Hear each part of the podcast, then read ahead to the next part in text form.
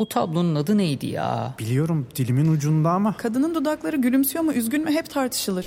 Sadece tablonun adı değil, etrafındaki çerçeve, bulunduğu müze, hakkında çıkan haberler, eserin sahibi ve daha birçok bilgi Samsung Galaxy S24 serisi ve Circle to Search ile dilinin ucunda değil, parmağının ucunda. Galaxy AI ile gelecek işte bu kadar kolay. Salus online terapinin yanında size özel ücretsiz içerik planıyla kişiselleştirilmiş bir deneyim sunuyor. Siz de nefes ve farkındalık çalışmaları, meditasyonlar ve çeşitli egzersizlerden faydalanabilirsiniz. Değişim ve gelişim sürecinde hem fiziksel hem de mental sağlığınızı destekleyebilirsiniz. Kendi en iyinizi yaratmak için Salus uygulamasını indirin. Başlangıç 10 koduyla %10 indirimli kullanın. Ne, neden, nasıl? Bu bilgiyle ne yapacağım? Tanrı öldü. Postmodernizmden ne anlamalıyız gerçekten? Nedir bu diyalektik dedikleri? Sanırım ben bir at sineğiyim. Varoluşunun hakkını ver. Gerçeklik gerçeklikten sürüldü. Üzerimde yıldızlı gök, içimde ahlak yasası. yasası.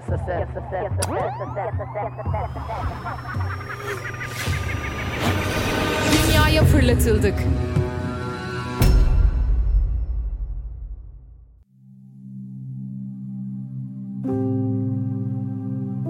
Felsefenin izinde yolculuk projesiyle birlikte Hindistan'a, Sri Lanka'ya ya da Tayland'a gitmeye başladıktan sonra meditasyon kavramı da hayatımıza girdi. Ve ben meditasyon kavramını kullandığımda insanlarda olan aşinalık sebebiyle hani neden bahsettiğimizi biliyoruz ama tam olarak ne anlama geliyor bir soru işareti doğmaya başladı. Özellikle meditasyonun nasıl yapılan bir şey olduğuna dair ya da benim için bu kavramın ne ifade ettiğine dair.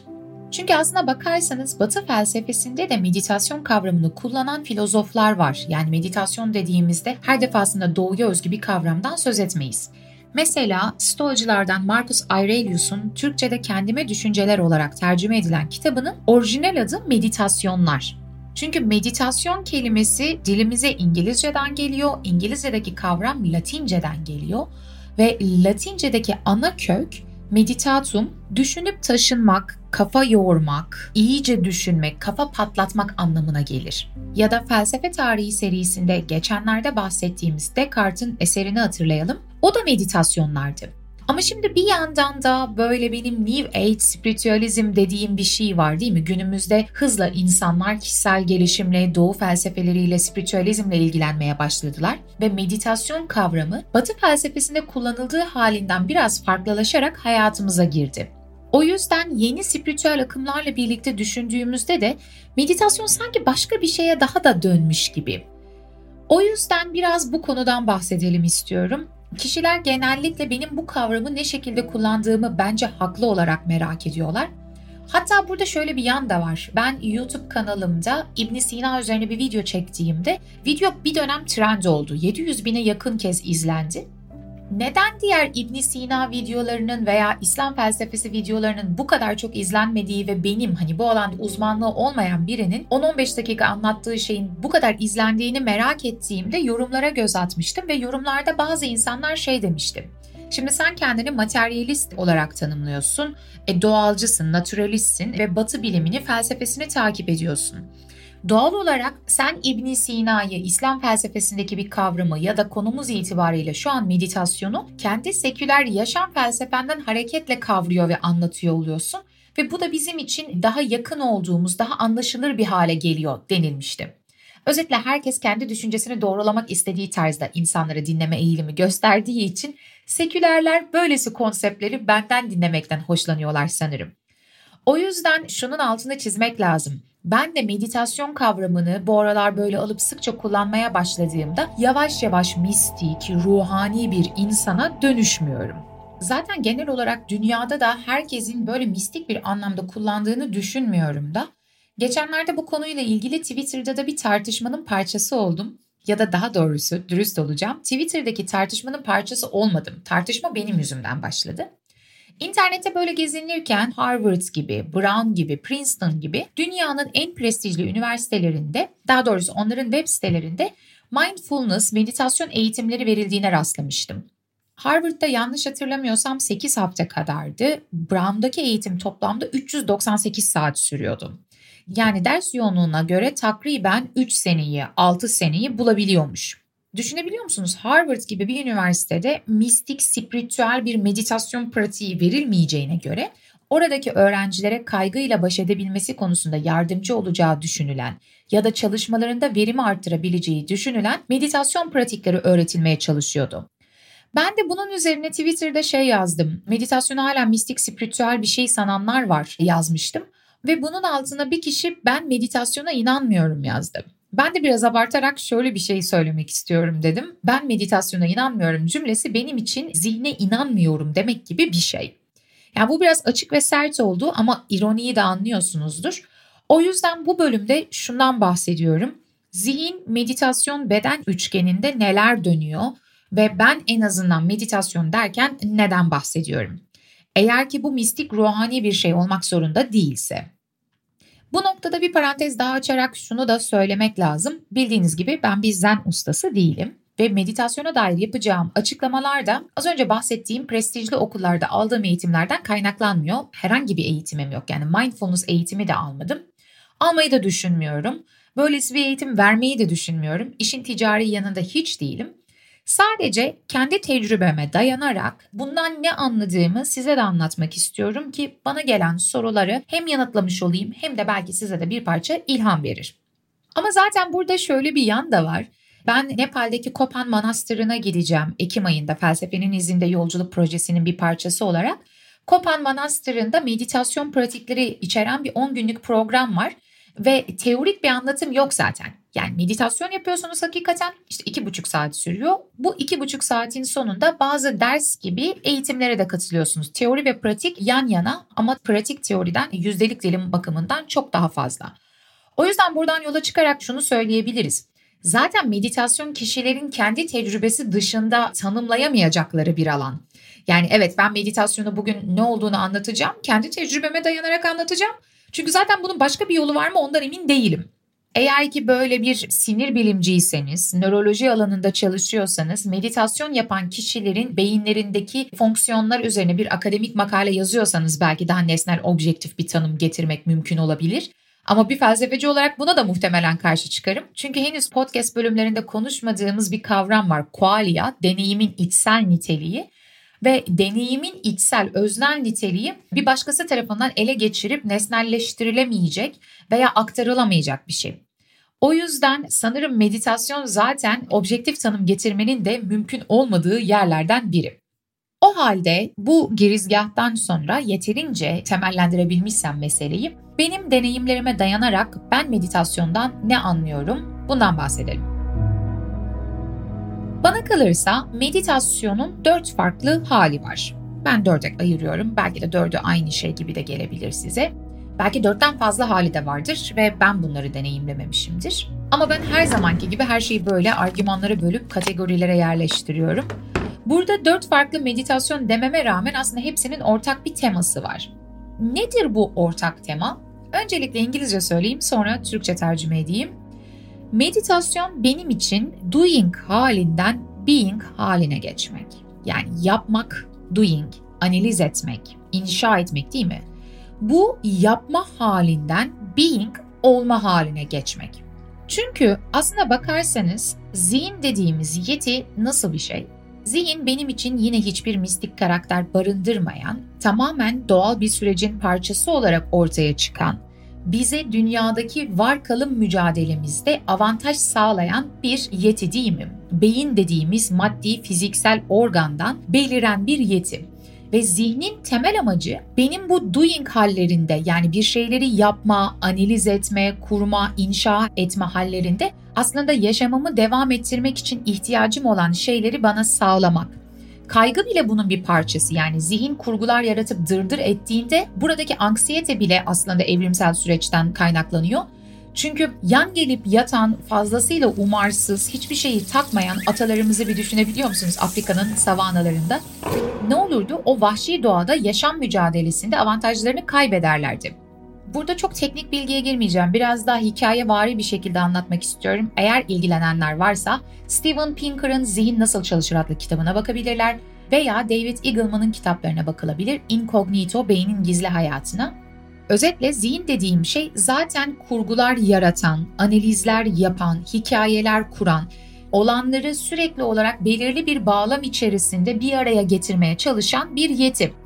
Hatta anlam arayışımız Tanrı'ya kadar uzanan öğretiler koymamızın sebebi de bu. Biz içerisinde bulunduğumuz varlığa genel bir resme oturtmaya çalışıyoruz. Genel bir resme oturtmak, bir anlam perspektifi içerisinden ona bakmak benim açımdan daha tatmin edici yani daha ödüllendirici. Bilinemezlik ödüllendirici değil. Bu yüzden zihin ya da daha da indirgediğim bir yerden beyin diyelim, daimi olarak konuşan, kurgular, konseptler yaratan bir yeti. İşte meditasyon tam olarak burada açığa çıkıyor ya da ona neden ihtiyacımız olduğu burada açığa çıkıyor. Meditasyonla birlikte amaç zihnimin kurguları ve hikayelerinin ötesinde baktığım her neyse ona olduğu haliyle temas etmek. Bununla şunu kastediyorum. Diyelim ki senelerdir böyle 1960'lardan beri kullanılmamış bir araba var garajda ve üzeri çer, çöp, pislik, tozla dolu. Doğal olarak siz o arabanın başlangıçta ne olduğunu anlayamıyorsunuz. Koliler mi diyorsunuz, ne olduğunu çıkarsayamıyorsunuz.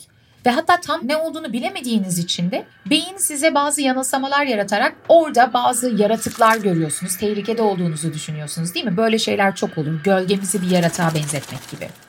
Meditasyonun yaptığı şey oradaki çerçöp tozun üstüne kovalarca su dökmek suretiyle orada bir temizlik, netlik, bir açıklık sağlamak. Bence bütün farklı meditasyonlarda benim bu dört meditasyon dediğim şeydeki ortak özellik bu. Bizler gündelik yaşantımız içerisinde, zihnin kurguları içerisinde öylesine kayboluyoruz ki düne dair pişmanlıklar ve yarına dair planlar arasında oradan oraya sürüklenip duruyoruz. Gerçekten de şunu düşünmenizi istiyorum. An be an zihnimizin ne kadar fazla konsept, kurgu, hikaye yarattığının farkında mıyız? Herhangi biriyle iletişiminizden tutun da yarın yetiştirmeniz gereken bir ödev varsa hemen akabinde bir senaryo yazmaya başlıyor zihin. İşte meditasyonun sağlamaya çalıştığı açıklık bu kurguların ve hikayelerin, kavramların ötesinde eğer bir şey varsa bu hikayeleri askıya almak suretiyle olanı olduğu haliyle görmek. O yüzden meditasyonun bize vermeye çalıştığı fırsat şu. Baktığım ne ise o, dinlediğim ne ise o, gördüğüm ne ise o. Bu sanırım bilgeliğin önemli kısımlarından bir tanesi. Zaten sorun da o değil mi? Yani baktığım şeyin ne ise o olduğu haliyle görülmesi. Çünkü orada bazen bir olaya bakıyoruz, bir kadına bakıyoruz, değil mi? Bir çocuğa bakıyoruz ve benim öğrendiğim şeylerle birlikte, benim kafamdaki hikayeler, konseptler, ön yargılarla birlikte onu görüyorum. Onu olduğu haliyle göremiyorum. İşte bu şekilde yaklaşabilir miyiz? Zihnin değer yargılarını, kavramlarını, kurgularını bir saniye için paranteze alabilir miyiz? İşte meditasyonlarda benim en azından kendi adıma ulaşmaya çalıştığım şey bu. Baktığımda gördüğüm şeyleri zihnin yarattığı kurgulardan bir şekilde ayırmaya çalışmak. O tozlu arabanın üstüne bir kova su dökmek. Peki dört tane demiştim. Bu dörtlü neler, hangi açılardan farklılaşıyorlar biraz pratik yanlarından söz edeyim. Çünkü bu noktada şöyle düşünüyor olabilirsiniz. Aa iyi tamam güzel diyorsun Dilara da hadi zihnimizi askıya alalım. Sonrasında da her şeyi olduğu haliyle ona temaşa edelim. İyi de bu nasıl olacak değil mi? İşte böylesi yerlerde özellikle Hint felsefesi ve Budizmle birlikte öğrendiğim önemli şeylerden bir tanesi şuydu. Bir Hindu din adamı bana şunu demişti. Sen Hinduizm teorisi üzerine çalıştığını söylüyorsun ama Hindu teori hiç olmayabilir bile. Bu tamamen pratik temelli bir araştırma programı demişti. O yüzden meditasyonu anlamak demek meditasyon yapmak demek. Onu deneyimlemek, pratik etmek anlamına gelecek bence. Birinci hali, birinci versiyonu bende en azından karşılığı mindfulness dedikleri şeye tekabül ediyor. Mindfulness'ı Türkçe'ye çevirirken kimileri tam algı diyor, kimileri dikkatin tamamen bir yerde olması diyor, kimileri farkındalık diyor. Ben mindfulness kavramını olduğu haliyle bırakacağım sanırım. Bilinçli farkındalık diyelim ya da bilinçsiz farkındalık olur mu diye de sorulabilir. Buralarda bence tercüme ile ilgili bir sıkıntı var. Kabaca şöyle, tüm varlığım, beden dileğim ile dikkatimi ana yöneltmek. Eski Yunanca'da bir deyiş vardır. Hiç et nunç diye yazılıyor. Şimdi ve burada anlamına gelir. Mindfulness bence bunun karşılığı. Yani dünün pişmanlıkları ve yarının kaygıları arasındayız demiştik ya. Bunların sadece zihnin birer kurgusu olduğunu fark etmek ve bu kurgunun farkındalığıyla birlikte onları askıya almak, ne yapıyorsan sadece orada olmak, o zamanda ona odaklanmak. Şimdi ve burada olmak. Mindfulness bence bu. Şu an bir test etmenizi istiyorum kendinize. Bu podcast'i dinliyorsunuz ama gerçekten burada mısınız? Dikkatinizin ne kadarı tam olarak şimdi ve burada? Yoksa bir yandan yemek mi yapıyorsunuz? Bir yandan yarına teslim etmeniz gereken işleri mi düşünüyorsunuz? Ütü mü yapıyorsunuz? Karşıdan geçen kadının kıyafetlerini mi inceliyorsunuz? Dikkatimiz o kadar dağınık parçalı bir şekilde ki yaptığımız şey neyse sadece ona odaklanmak mindfulness'ın ilk noktalarından bir tanesi. Bu konuyla ilgili çok ünlü bir Budist keşiş ve araştırmacı var. Thich Nhat Hanh. Türkçe'ye de kitapları çevriliyor. Thich Nhat şöyle bir şey söylüyordu. Bir bulaşık yıkarken bile yıkadığın bulaşığın sanki bebek Buda olduğunu düşün. Yani bebek Buda'yı yıkıyormuşçasına büyük bir özenle orada o bulaşıkları yıkamak. Meditasyon bu aslında. Böyle Budist keşişlerin veya zen ustalarının hakikatin ne olduğuna dair kocaman sözler söylemesini beklersiniz ama o kadar basit şeyler söylerler ki hayat bilgeliği bulaşık yıkarken bulaşık yıkamaktır mesela gibi. Yani burada mindfulness dediğimizde çok da mistik bir yere gitmeye gerek yok o yüzden. Şimdi ve orada o ana odaklanmak. Schopenhauer'un da Mutlu Olma Sanatı diye bir kitabı vardı. Şaşırtıcı bir dönüş Schopenhauer'dan beklemezsiniz mutluluk üzerine yazması. Kitapta şey diye bitiriyordum. Mevcut anın tadını neşeyle çıkartmak işte hayat bilgeliği budur demişti. Yani o mevcut anın tadını çıkarmak, neşeyle orada olmak bilgelik bu. Bu da mesela mindfulness'a oldukça uygun bir şey. Zaten Schopenhauer gibi düşünürlerin, Nietzsche gibi düşünürlerin Doğu felsefesinden, Budizm'den, Hinduizm'den etkilendiklerini biliyorsunuz. Bu kısım bence mindfulness denilen şeye tekabül ediyor. Ben bu bilinçli dikkati hayatıma şöyle uyguluyorum. Mesela yemek yerken her bir lokmaya dikkat kesilmek. Şöyle bir itirafta bulunayım. Bu tarz bir farkındalıkla çalışmaya başladığımdan beri yemeğimin her bir lokmasına dikkat kesilmeye başladıktan sonra porsiyonlarımın çok büyük olduğunu fark ettim ve kilo vermeye başladım. Yani eğer bir şey yerken bir şey izliyorsam, sofrada muhabbet ediyorsam aslında o noktada ne yediğimin farkında olmadığım için çok fazla yiyorum. Tabakta ne kadar olursa olsun onları hop yutmuş oluyorum. Ama ne yiyorsanız onun farkına vardığınızda doygunluk hissi çok daha çabuk geliyor. Ve bu tarz bir yemek pratiğinden tutun da bunu çalışmalara kadar uzatabilirsiniz. Yani bir konsantrasyon probleminiz varsa mindfulness üzerine çalışmak hayatınızda büyük bir dönüştürücü güç olabilir diye düşünüyorum. Özetle ne yapıyorsan sadece onu yapmaktan söz ediyoruz. Bu noktada bölümü ufak bir ara verelim, sonrasında kaldığımız yerden devam edelim.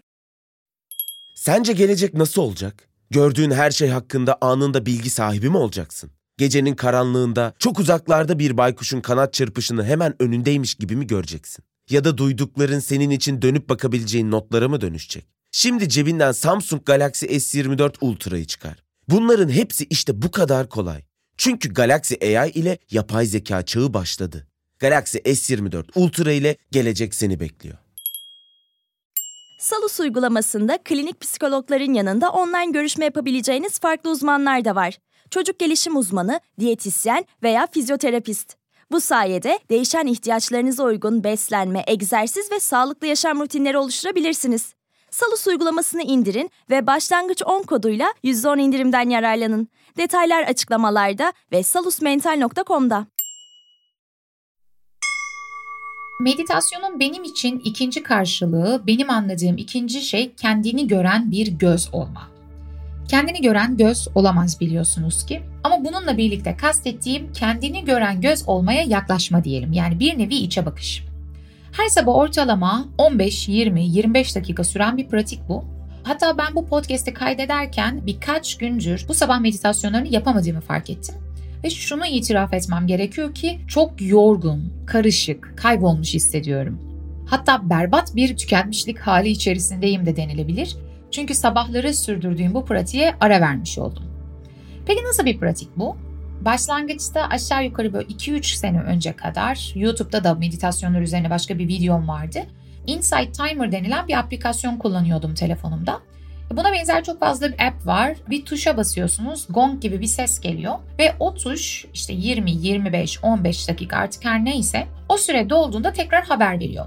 Şimdi ben artık saat olmadan da böyle bir aplikasyon kullanmadan da bu sabah meditasyonlarımın hep aynı aralıkta sürdüğünü fark ettim. Hiçbir zaman 45 dakikaya gidemiyorum mesela çünkü sıkılıyorum. 5 dakikada yetmiyor çünkü vücudumun ya da zihnimin belirli bir alışkanlığı var. Ve o hep 15, 20, 25 aralığında gidip geliyor. Buradaki pratiğin esas amacı şu.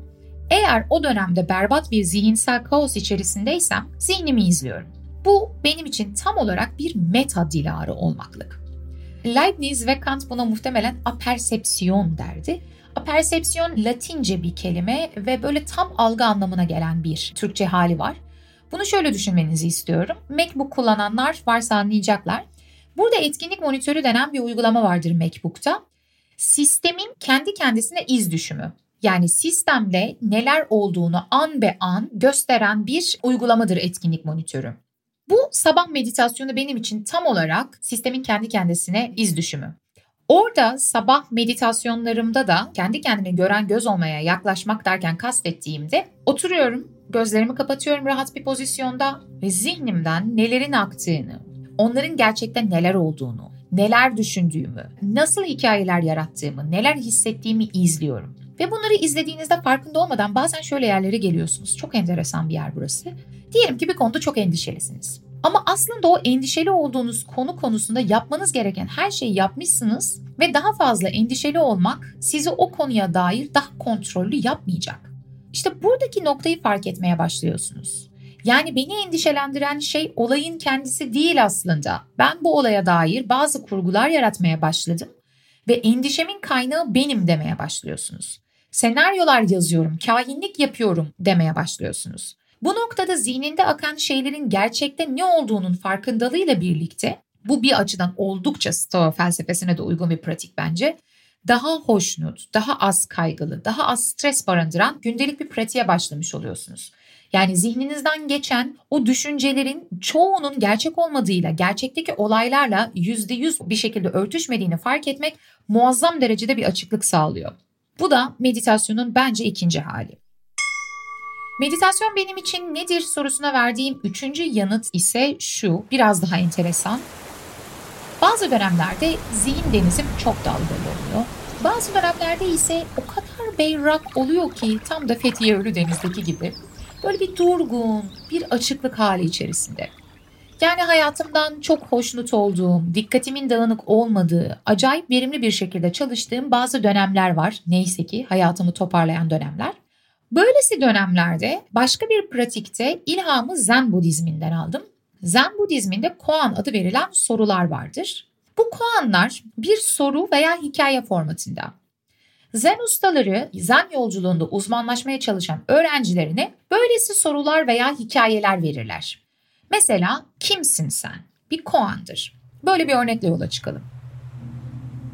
Benim bu zihin denizimin dalgalı olmayan dönemlerinde ben de koanlar ile çalışıyorum. Mesela daha önce üzerine derin bir şekilde tam da bu işte Latince'deki kökeni meditatum şeklinde düşündüğüm şeylerden biri sıkılmanın ne olduğu. Çünkü sürekli olarak her şeyden sıkıldığım bir dönemdi ve ben sıkılmak kavramı üzerine meditasyonlar yapmaya başlamıştım. Ama burada şundan bahsetmiyorum. Yani bilinçli bir yerde elimde kağıt kalemle birlikte düşünmek nedir, Descartes ne dedi falan gibi değil de meditasyon pratiği içerisinde sıkılmak nedir, sıkılmak nedir, neden sıkılırım, sıkıldığımda ne olur? Yani bunun üzerine derin bir konsantrasyon ile sorulara odaklanmaktan söz ediyorum. Yoga yapanlar gayet iyi bilecektir. Farklı nefes teknikleri de var aynı zamanda. Böylesi nefes teknikleri size derin bir konsantrasyon sağlıyor ve ben de bu koanlarımın üzerine çalışmaya başlıyorum.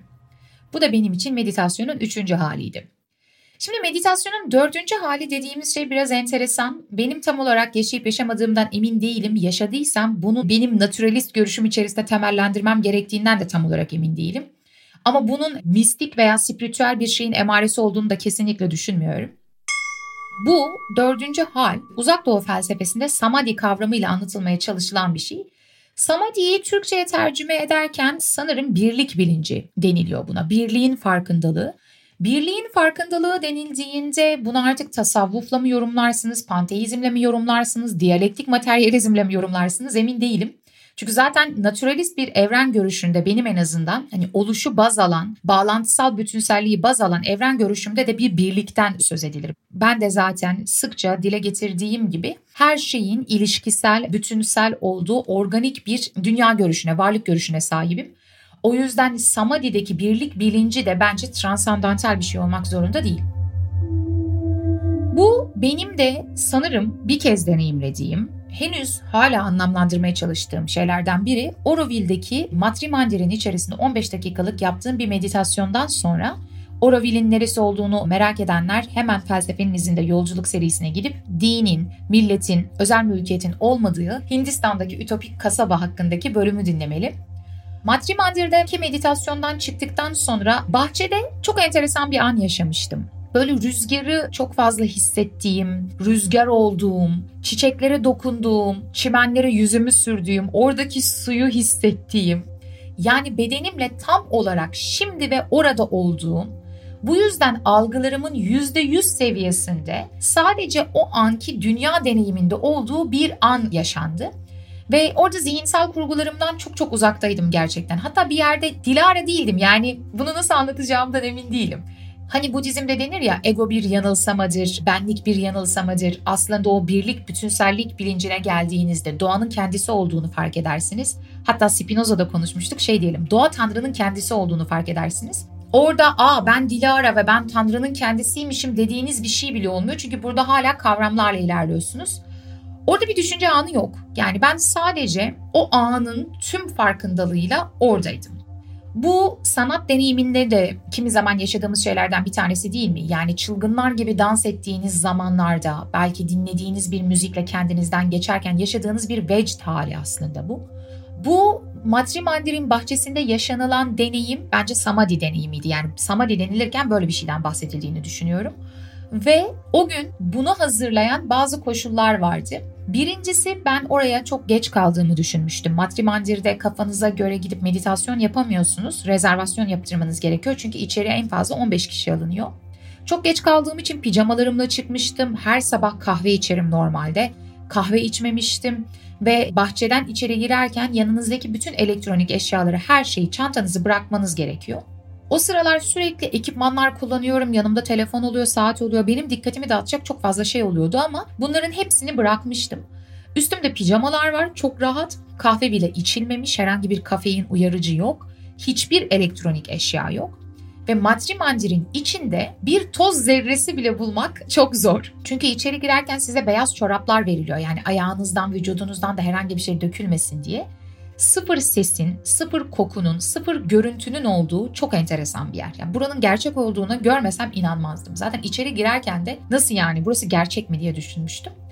Oradaki o 15 dakikalık meditasyondan çıktıktan sonra da sırf bunun için özel olarak tasarlanmış bir bahçe var. Ve bahçe kademe kademe açılan, farklı isimler alan böyle bir labirent tarzında döşenmiş. Yine Google'a gidip Oroville Garden yazarsanız göreceksiniz. Ve bir kısmı zen bahçelerini andıran bir şekilde tasarlanmış. Sular var, taşlar var, rüzgar güllerinin çıkardığı sesler var. Çok çok muazzam derecede güzellikte bir alan. Orada kendimden geçtim diyelim bir vecd hali içerisinde ve kasıtlı olarak tercih yapmadan bahçenin içerisinde dolanmaya başladım. Rüzgarı hissettim, sesleri duydum, çimenlere dokundum, çıplak ayak yürüdüm. Yani hatırlayabildiğim şeyler bunlar. Ve bu kısım sizi de şaşırtabilir. Beni de hala şaşırtıyor. Bunu buradan söylediğimde de daha da garip olacak ama. Eşyalarımı almak için bahçeden çıktığımda çantamı aldım. Telefonuma baktım. Yaklaşık 4 saat geçmişti. 4 saat boyunca ben medite olmuş bir halde doğayı deneyimledim. Bunun uyuşturucu madde etkisi altında olduğunu düşünebilirsiniz ama şunu söyleyeyim. O dönemde yaklaşık bir 30-35 günlük alkol dahi içmemiştim. Sigara zaten içmiyorum. Sabah kahve bile içmedim. Yani tamamen doğal bir deneyimden söz ediyoruz. Bunun nasıl mümkün olduğundan emin değilim. Böylesi bir tam farkındalık, tam algı anına nasıl geldiğimi bilmiyorum. Çünkü bu planlanmış bir şey değildi ama o dönem 30-40 gün boyunca düzenli bir şekilde saatlerce meditasyon üzerine pratikler etmek yani parça parça halde ve sıfır etkileşimin, sıfır dikkat dağıtıcının olduğu bir alanda bedensel olarak da buna hazır olduğum bir andaydı galiba bilmiyorum. Şimdi ve burada olmayı başardım. Ve o noktadan sonra da şey demiştim arkadaşlarıma anlatırken. Hakikat muhtemelen Spinozacı panteizmde gizli. Zaten Spinoza'ya her zaman büyük bir sempati duyduğumu biliyorsunuz. Eğer sufizme meraklıysanız bu anlattıklarımın tasavvufla da uygun olduğunu düşünebilirsiniz. O kısmı bilmediğim için hiçbir şekilde bir şey söyleyemeyeceğim. Ama bana kalırsa bu Herakleitos, Spinoza, sonra belki Deleuze gibi düşünürlerde farklı biçimlerde gördüğümüz oluşu içeren, her şeyin değişip dönüştüğü, birlik ve bütünlüğü barındıran bir doğa kavrayışında zaten gizli. O yüzden bu anlattıklarım bana spiritüel değil, gerçek bir materyalizmin emaresi gibi geliyor. Zaten spiritüalizm kavramının da eksik veya yanlış bir materyalizm, panteizm olduğunu düşünüyorum. O yüzden gelecekte eğer başarabilirsem yeni bir naturalizm üzerine de çalışmak istiyorum. Zaten bu alanda çalışmalar var. 2015'ten sonra özellikle bağlantısallık, bütünsellik denilen bir kavram ortaya çıktı. YouTube kanalımda Yeni Felsefe, Yeni Bilim, Yeni Metafizik diye bir video var. Lütfen izleyin. Orada Türker Kılıç'ın Bağlantısallık Bütünsellik kitabından yola çıkarak mevcut materyalist görüşlerimizin nasıl yanlış olduğunu, aslında spiritüalizmin de yanlış anlaşılan, yeterince gerekçelendirilmemiş ya da yanılsatıcı bir materyalizm olduğundan bahsetmiştim. Bu konuları Herakleitos aslında anlamış da yine de o 2500 sene sonra oralara tekrar dönmek biraz bizim için şaşırtıcı olabiliyor. Bu arada şaşırtıcı olan şeylerden bir başkası da şu. Alan Watts bir defasında şey demişti. Spiritüalizm ve materyalizm modası geçmiş kavramlardır. Yani aslında ikisi de aynı şeyden bahseder diye. Bence çok doğru. Yani benim de sezgisel olarak doğru olduğuna inandığım ve böyle belki biz görmesek bile 100 sene sonra metafizik üzerine çalışan, felsefe üzerine çalışan kişilerin ortaya koyacağı spiritüalizm, materyalizm kavramlarını artık arke gibi geride bırakacağı yerlerden bir tanesi olacak. Dediğim gibi bu tamamen sezgisel olarak inandığım bir yer. Çünkü benim bu dördüncü deneyimimde bunu nasıl anlatabilirim bilmiyorum. Hakikaten doğayla doğa olduğum bir an vardı. Rüzgarı tamamen hissettiğim, tenimdeki güneşi tamamen hissettiğim, oradaki oluşun, akışın, birliğin, bütünlüğün farkındalığıyla birlikte bütünün kendisi olduğum, ona dahil olduğumu anladığım ya da anlamadığım, sezdiğim bir an vardı. Buraların temellendirilmesi için gideceğim yer böyle ezoterik metinler olmayacak. Her zaman olduğu gibi sinir bilim ve biyoloji olacak. Çünkü ben fazla şüpheci bir insanım. Bunların belirli bir temelde oturması gerekiyor benim dünya görüşüm içerisinde temellendirmem için. Umarım doktora tezimden sonra bilimin de gelişimleriyle birlikte daha makul bir yere varırız diyerek konuyu burada sonlandırıyorum. Bu bölümü kaydederken şunun altını tekrar çizmek istiyorum. Ben bir meditasyon eğitmeni değilim. Bu konuda rehberlik, danışmanlık, mentörlük gibi bir niyetim hiç yok. Deneyimlerimi temellendirecek kadar sinir bilime hakim de değilim. Sadece ben meditasyondan ne anlıyorum, bu dört formun hayatımdaki yeri nelerdir bunlara dikkat çekmek istedim. Çünkü ben antik, modern, doğu batı demeksizin felsefeden öğrendiğim ve hayatıma uyguladığım şeyleri bu podcast programında size anlatıyorum. O yüzden bunu arkadaşınızdan, dostunuzdan felsefe üzerine sohbet ederken dinlediğiniz hikayeler, önerilermiş gibi düşünmelisiniz. Tabii şey de var biliyorsunuz Türkiye'de böyle 2 saatlik hafta sonu eğitimleriyle mindfulness hocası olan eğitimler satan insanlar var. Bunlar elbette kişilerin kendi erdemlerince bilebileceği şeyler. Ben burada herhangi bir yargı savurmak niyetinde de değilim. Çünkü yargılamıyorum yani. Bu aşırı kibirli bir davranış olur. Ben esasen kendime karşı sorumluyum. Ama ben mevcut pozisyonumdaki popülaritemi de düşünerek benim üzerimden insanların güzel meraklarının sömürülmesine de asla alet olmak istemiyorum. O yüzden bana sürekli olarak bu alanda bir eğitim vermem konusunda ya da bir sertifika programı e, öneriliyor. Böyle bir şey asla olmayacak. Bunları da dedikten sonra bölümü sanırım kapatabiliriz. Gelecek bölümde görüşene dek meraklı kalın. Tabii hoşnutta kalın.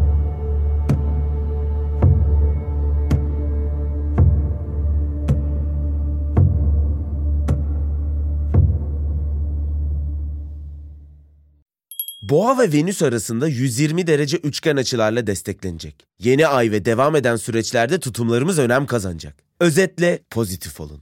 Notlarını istediğin gibi özetleyen not asistanı Samsung Galaxy S24 serisinde. Galaxy AI ile gelecek işte bu kadar kolay. Salus yetkin psikologları ile terapiyi her yerden ulaşılabilir kılmaya devam ediyor. Yaşam tarzı değişiklikleri, adaptasyon sorunları, yalnızlıkla başa çıkma gibi konularda online terapi desteği için Salus uygulamasını indirin. Başlangıç 10 koduyla %10 indirimli kullanın.